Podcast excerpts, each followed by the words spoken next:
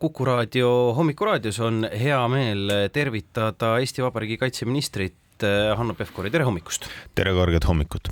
kui äh, võtta teemasid, millest täna rääkida, siis äh, noh, ei teagi, kust pihta hakata, võiks rääkida nii erakondade reitingust, võiks rääkida äh, riigi äh, reetmises süüdistatavast professor Morozovist või hoopis äh, kindral Martin Heremist, kes eile avalikult siis teatas äh, nii-öelda oma ametist äh, taandumisest. ehk et alustame võib-olla, alustame algusest, alustame Martin Heremist. Teie olete selle uudisega ikkagi pisut kauem kursis kui ainult eilne päev no kui ei oleks, oleks imelik, ütleks selle peale, et äh, ei, loomulikult meil on kindraliga väga nii-öelda regulaarsed kohtumised ja eks me räägime nagu erinevatest teemadest ja, ja ja noh, eks see indikatsioon tema poolt nagu tuli ja eks me siis saime natukene mõelda selle peale, saime natukene vestelda, et äh, kas see ikkagi on hea mõte või ta sooviks jätkata tuleb, tuleb respekteerida inimese arvamust ja nii, nii see praegu on, et äh, nüüd tuleb äh, siis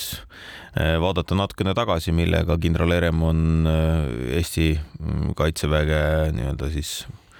paremaks teinud, ma arvan, et neid lugusid me saame lähiajal ajakirjanduses kindlasti lugeda.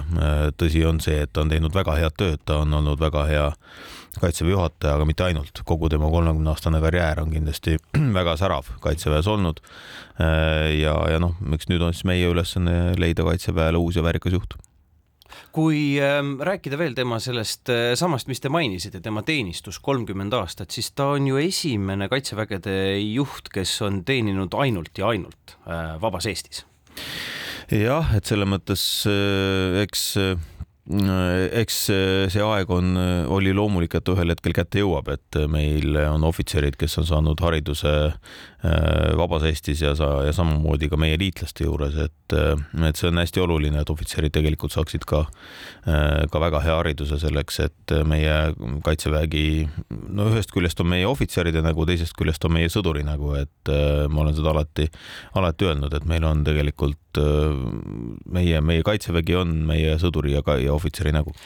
kui ma sellesama küsimuse või sama teema ükskord tema endaga tõstatasin, siis noh, piltlikult ta sügas kukalt, eh, ütles, et tõesti, et vist on jäänud ainult üks ohvitser, kes, eh, kellel on nii-öelda Nõukogude armee taust. ehk et me oleme selles mõttes noh, astunud ikkagi täiesti uude ajastusse oma kaitsejõududega nii on ja eks me selles mõttes areneme kogu aeg, et kui me vaatame ka ju viimaste aastate arenguid, siis Kaitsevägi tegelikult teeb ikkagi seitsme penikoorma samme selleks, et äh, vastata nendele ohtudele ja olla, olla äh, veendunud, et Eesti rahvas on kaitstud ja Eesti riik on kaitstud, et äh, see on meie peamine ülesanne Martin Herem on äh, jäänud ka mulle silma kui ikkagi väga omanäolise kaitseväe juhatajana, tema huumor, selgesõnalisus, ka võib-olla avatus sotsiaalmeedias on, teevad temast, ma arvan, üsna meeldejääva kaitseväe juhataja. kes võiks olla tema järglane, kes võiks need kingad äh, täita? Eesti Kaitsevägi äh, kindlasti on tugeva organisatsioonina mõelnud selle peale ka ise, et see ei ole ainult kindlasti ministri roll, et äh, nüüd äh, vaadata või mõelda viis aastat ette, nii et või kümme aastat ette, et tegelikult ühe ohvitseri kulgemise lugu või, või sellise rännak tema teenistuses noh, peab näitama seda, et kas ta on suuteline olema järgmine kaitseväe juhataja või mitte, noh, päeva lõpuks on ikkagi see ametipost Eesti kaitseväes kõige kõrgem ametipost, mida sa saad äh, omada ja noh, kaitsevägi on ikkagi selles mõttes hierarhiline süsteem, et sa pead mööda karjääriredelit liikuma. ja noh, kui sa oled jõudnud kindrali pagunit, paguniteni, siis või komodori paguniteni, et siis tegelikult võib eeldada, et, et sinus on ainest ja kaitsevägi on ka sees sind kasvatanud niimoodi, et sinus võiks olla ainest kaitseväe juhatajaks, nii et noh, ma arvan, et, et see ring Eestis ei ole väga palju kindraleid, et selles mõttes, et see ring on, on täpselt nii suur, kui meil äh, kindralite või komodori ring on. no paneme sinna juurde igaks juhuks ikkagi, et oleks natukene laiem ring, et ka meie brigaadide ülemad, et kes tegelikult on ju äh, hetkel veel mõlemad kolonelid. Mm, ma tulen korra veel selle vestluse juurde, et mis oli see põhjus, miks siis Martin Herem ametist soovib taanduda, on ta lihtsalt väsinud või, või milles asi? No nagu ta ka ise on öelnud, et eks selles mõttes äh, väsimus äh, on ka äh, üks osa sellest, aga et noh, see on ikkagi väga intensiivne töö ja, ja noh, viimased kaks aastat täiemahulist Ukraina sõda ja kõik, mis sellega kaasneb, on ikkagi väga-väga suur närvipinge ja ja samamoodi füüsiline koormus. teisalt noh, kui vaadata nüüd kaitseväe loogikat, siis kaitseväe loogika on selline, et teatud aja tagant on rotatsioon ja rotatsioonikava algab üldiselt kaitseväe juhatajast, et kui kaitseväe juhataja on paigas viieks aastaks, siis see rotatsioonikava nagu teda ei puuduta, aga aga kuna nüüd kaitseväe juhtkonnas tegelikult on seda rotatsiooni päris palju ehk eh, nii asetäitja, peastaabi ülem,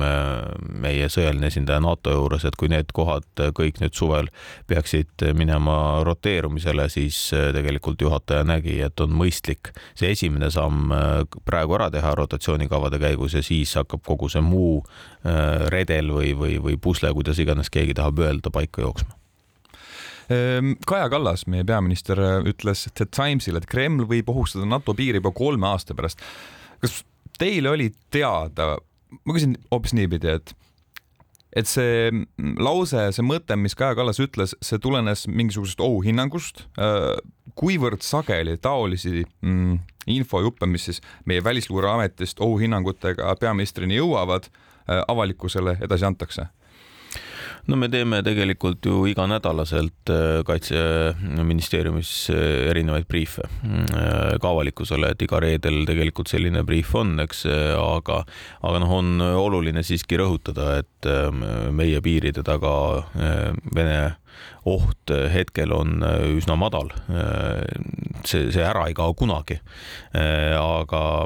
aga noh, selle kolme aasta nii-öelda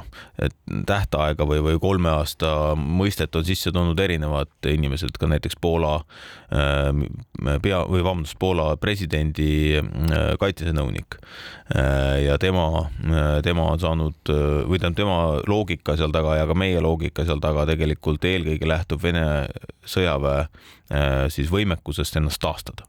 ja, ja kui me vaatame siis seda, et kui palju näiteks oli Venel, Vene sõjaväel, Vene armeel äh, siis näiteks laskemoona enne, kui nad Ukrainasse tungisid. Ja, ja, ja või eelkõige suurtüki laskemoona. Ja palju neil on praegu ja palju nad toodavad, noh siis umbes selline jah, kolm-neli aastat on see, kus nad võiksid olla enam-vähem sellel tasemel tagasi, kui Ukraina sõda lõpeb. sellepärast, et praegu nad on loomulikult Ukraina sõjaga väga-väga hõivatud, nii et, et ohupilt peab meil olema, aga meil peab ka olema teadmine, et Eesti riik on kaitstud oma liitlastega ja Eesti Kaitseväega koos tulles tagasi äh, võimaliku äh, Martin Heremi järglase juurde, siis äh, no me rääkisime sellest, et millised on nii-öelda loogilised sammud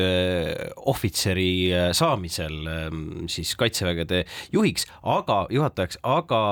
millised on need ähm, omadused mida, mis, mis peavad olemas olema? Äh, ma olen selle peale mõelnud loomulikult, äh, et mille järgi mina püüan siis nagu selle otsuse teha, millega ma lähen riigikaitsekomisjoni ette, mis põhjendustega ma räägin peaministriga ja Vabariigi Valitsusega ja, ja, ja kuidas näiteks ma sooviksin presenteerida ka siis seda mõtet Vabariigi Presidendile.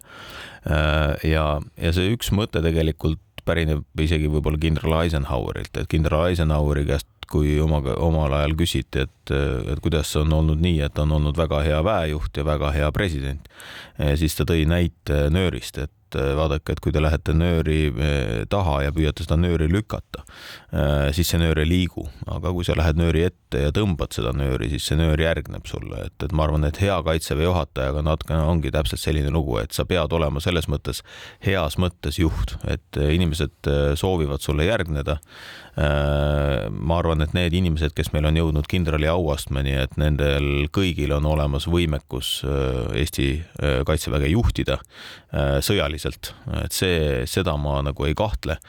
pigem, eks me otsime seal neid nüansse, mis puudutavad isikuomadusi, kes ja samamoodi loomulikult ka seda, et, et sa pead suutma ju kõnetada Eesti rahvast, sa pead selgitama, miks kaitsevägi ühte või teist teemat arendab või, või mingit, mingit ühte või teist otsust teeb, nii et selles mõttes, eks need, eks need sellised hea juhi äh, omadused on üsna universaalsed no eeskätt räägitakse ikkagi äh, kindralmajor äh, Veiko Velle, Vello Palmist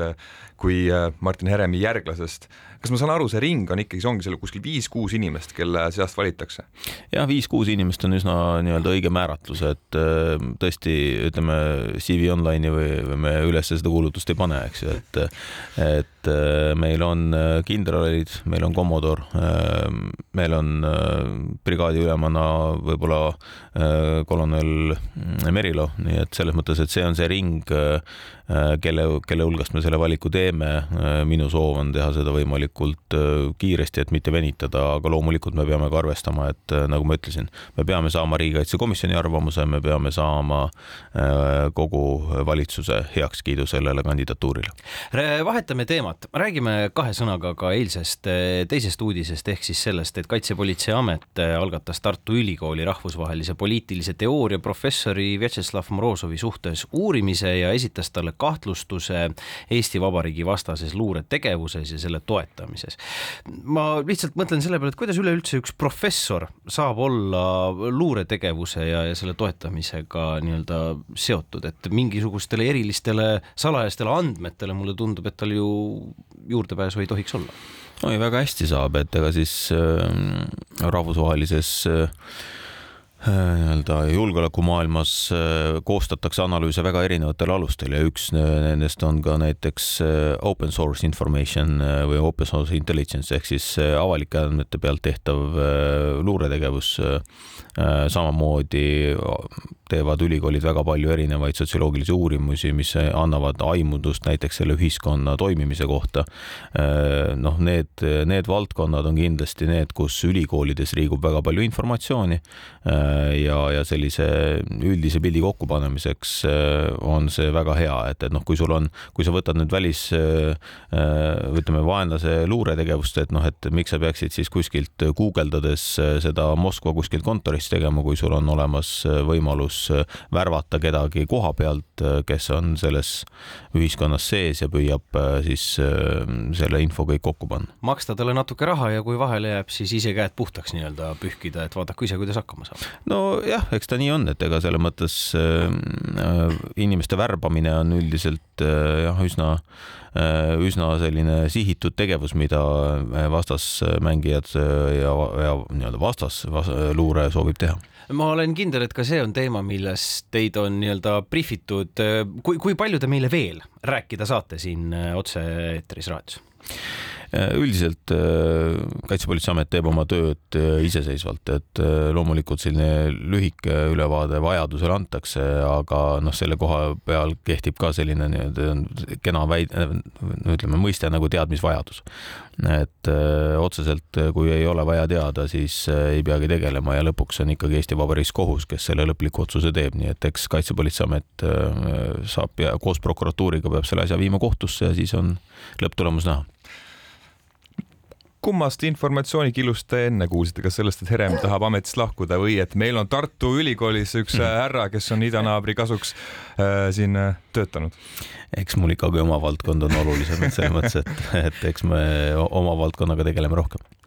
natukene olukorrast, kui tohib, ka koalitsioonis. ma saan aru, et õpetajate streik, see puudutab teid kõiki praegu. Eesti kakssada äh, ütleb, et on vaja õpetajate palka tõsta, et õpetajad ei läheks streikima, sotsid on selle mõttega liitunud ja ma saan aru, Reformierakond ei taha mitte kuidagi leida seda raha üles, mida siis õpetajatele anda, et kas te olete selle teemaga ka äh, kättpidi sees nii-öelda? No ja, et, et alati on hea leida äh, siis süüdlane, kes on, äh, kes on süüdi, et aga äh, tavaliselt äh, on ikka nii, et koalitsioonis tehakse otsused koos äh, ja, ja koalitsioonis me saame eelkõige, mis rahalisi otsuseid puudutab, teha neid otsuseid ähm, eelarveprotsessi käigus. Äh, Reformierakond kindlasti äh, on äh, samamoodi huvitatud sellest, et koalitsioonileppes kokku lepitud sada kakskümmend protsenti õpetajate keskmist võrreldes Eesti keskmisega oleks kehtestatud, aga see lubadus oli antud no, kuni siis koalitsiooni lõpuni ehk kahekümne seitsmendaks aastaks. nii et töötame edasi selle nimel, aga praegu me peame arvestama sellega, et eelarvelisi vahendeid kusagilt juurde juurde äh, tulemas ei, ei paista koalitsiooni tervis on hea? koalitsiooni tervis on hea ja töine peabki olema, et äh, loomulikult me otsime neid lahendusi, aga veel kord, et äh, ega eelarveraha on täpselt nii palju, kui maksumaksja töökad käed on eelarvesse toonud. kaitseminister Hanno Pevkur, aitäh teile meie stuudiosse tulemast ja, ja kena päev, päeva teile! ja aitäh!